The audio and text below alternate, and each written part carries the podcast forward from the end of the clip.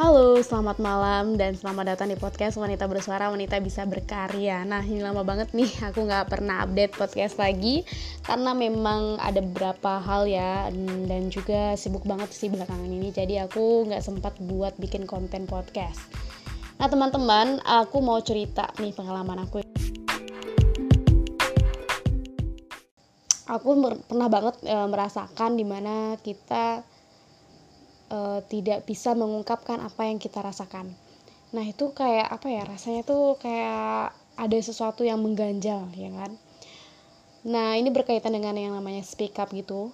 Nah, uh, biasanya kan uh, kalau milenial sekarang itu mereka rata-rata ya banyak yang bisa speak up ya, terutama di media sosial, banyak yang bisa uh, nge-share tentang pendapat mereka tentang sesuatu ya itu sebenarnya bagus-bagus aja sih. Jadi intinya mereka bisa mengeluarkan apa yang mereka rasakan. Nah tapi banyak juga orang-orang yang tidak berani atau malah eh, nggak uh, suka gitu ya dengan uh, dia ngasih tahu pendapat dia gitu tentang sesuatu. Padahal kan itu hak semua orang ya atau hak uh, pribadi orang untuk bisa pengen speak up gitu terutama apalagi di lingkungan uh, tempat kita tinggal atau mungkin di lingkungan ya tempat tinggal di keluarga gitu ya atau di lingkungan masyarakat. Nah otomatis juga apalagi di lingkungan kerja. Aku pernah pernah banget ngerasain itu gitu. Jadi kayaknya aku juga masih belajar banget untuk bisa speak up dengan apa yang aku rasain dan juga harus bisa lebih berani untuk bisa ngasih tahu apa yang ada di pikiran aku di sini aku mau ngasih tahu tentang uh, speak up yang kenapa sih kita harus perlu gitu berani untuk speak up gitu ya. Aku lansir dari beberapa media di mana kalau speak up di kantor itu sangat perlu banget gitu ya, apalagi di tempat kerja atau kantor itu perlu karena uh, supaya orang tuh tahu apa sih yang kita pikirin gitu ya.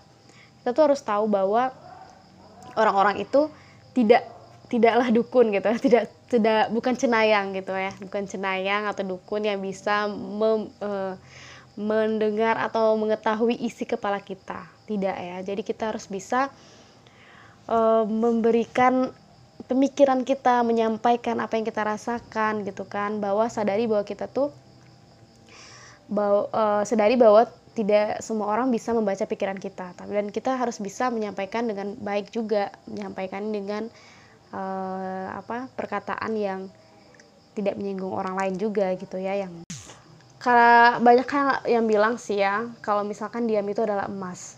Tapi diam itu atau diam di saat kita tidak menyukai sesuatu itu tidak akan mengubah mengubah apa pun gitu. Jadi kalau misalkan kita nih berasa keputusan yang dibuat itu pada suatu tim kita misalnya kurang tepat nih mungkin kita milih diam karena tak ingin ada konflik besar gitu kan. Tapi dengan kita diam kita kan uh, itu tidak akan mengubah apa pun dan justru akan membuat kita tuh malah lebih frustasi. Makanya kita disuruh speak up supaya suara kita tuh didengar. Jangan hanya uh, membis apa ya di belakang gitu ya. Atau uh, ya omongan-omongan di belakang lah ya membisik bisik-bisik di belakang gitu. Ya jangan sampai kayak gitu.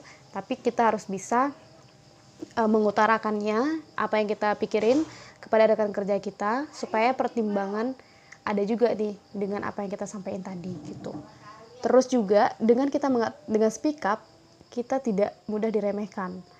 Nah ini juga banyak ya beberapa artikel aku baca kita, eh, dengan kita speak up orang tidak akan um, dengan mudah meremehkan kita. Kenapa? Karena dengan kita berbicara kita tuh bisa suara kita tuh berarti dengar orang kan? Dirasa cukup penting lah kalau kita berbicara. Bukan untuk terkenal juga sih ya biar kita berbicara bukan. Tapi e, buat kita bisa membangun wibawa kita dan juga dengan pendapat yang tepat itu pemikiran kita tuh bisa jadi dipertimbangkan orang lain. Dan ini jauh lebih baik daripada kita selalu diam ya nggak sih? Nah itu. Jadi jangan diam guys. Aduh ayo kita belajar ya. Terus speak up di kantor juga bisa menghindari drama-drama, us bukan drama Korea ya, atau drama-drama India juga bukan. Nah, ini kayak drama-drama yang pernah terjadi di lingkungan kerja, ya.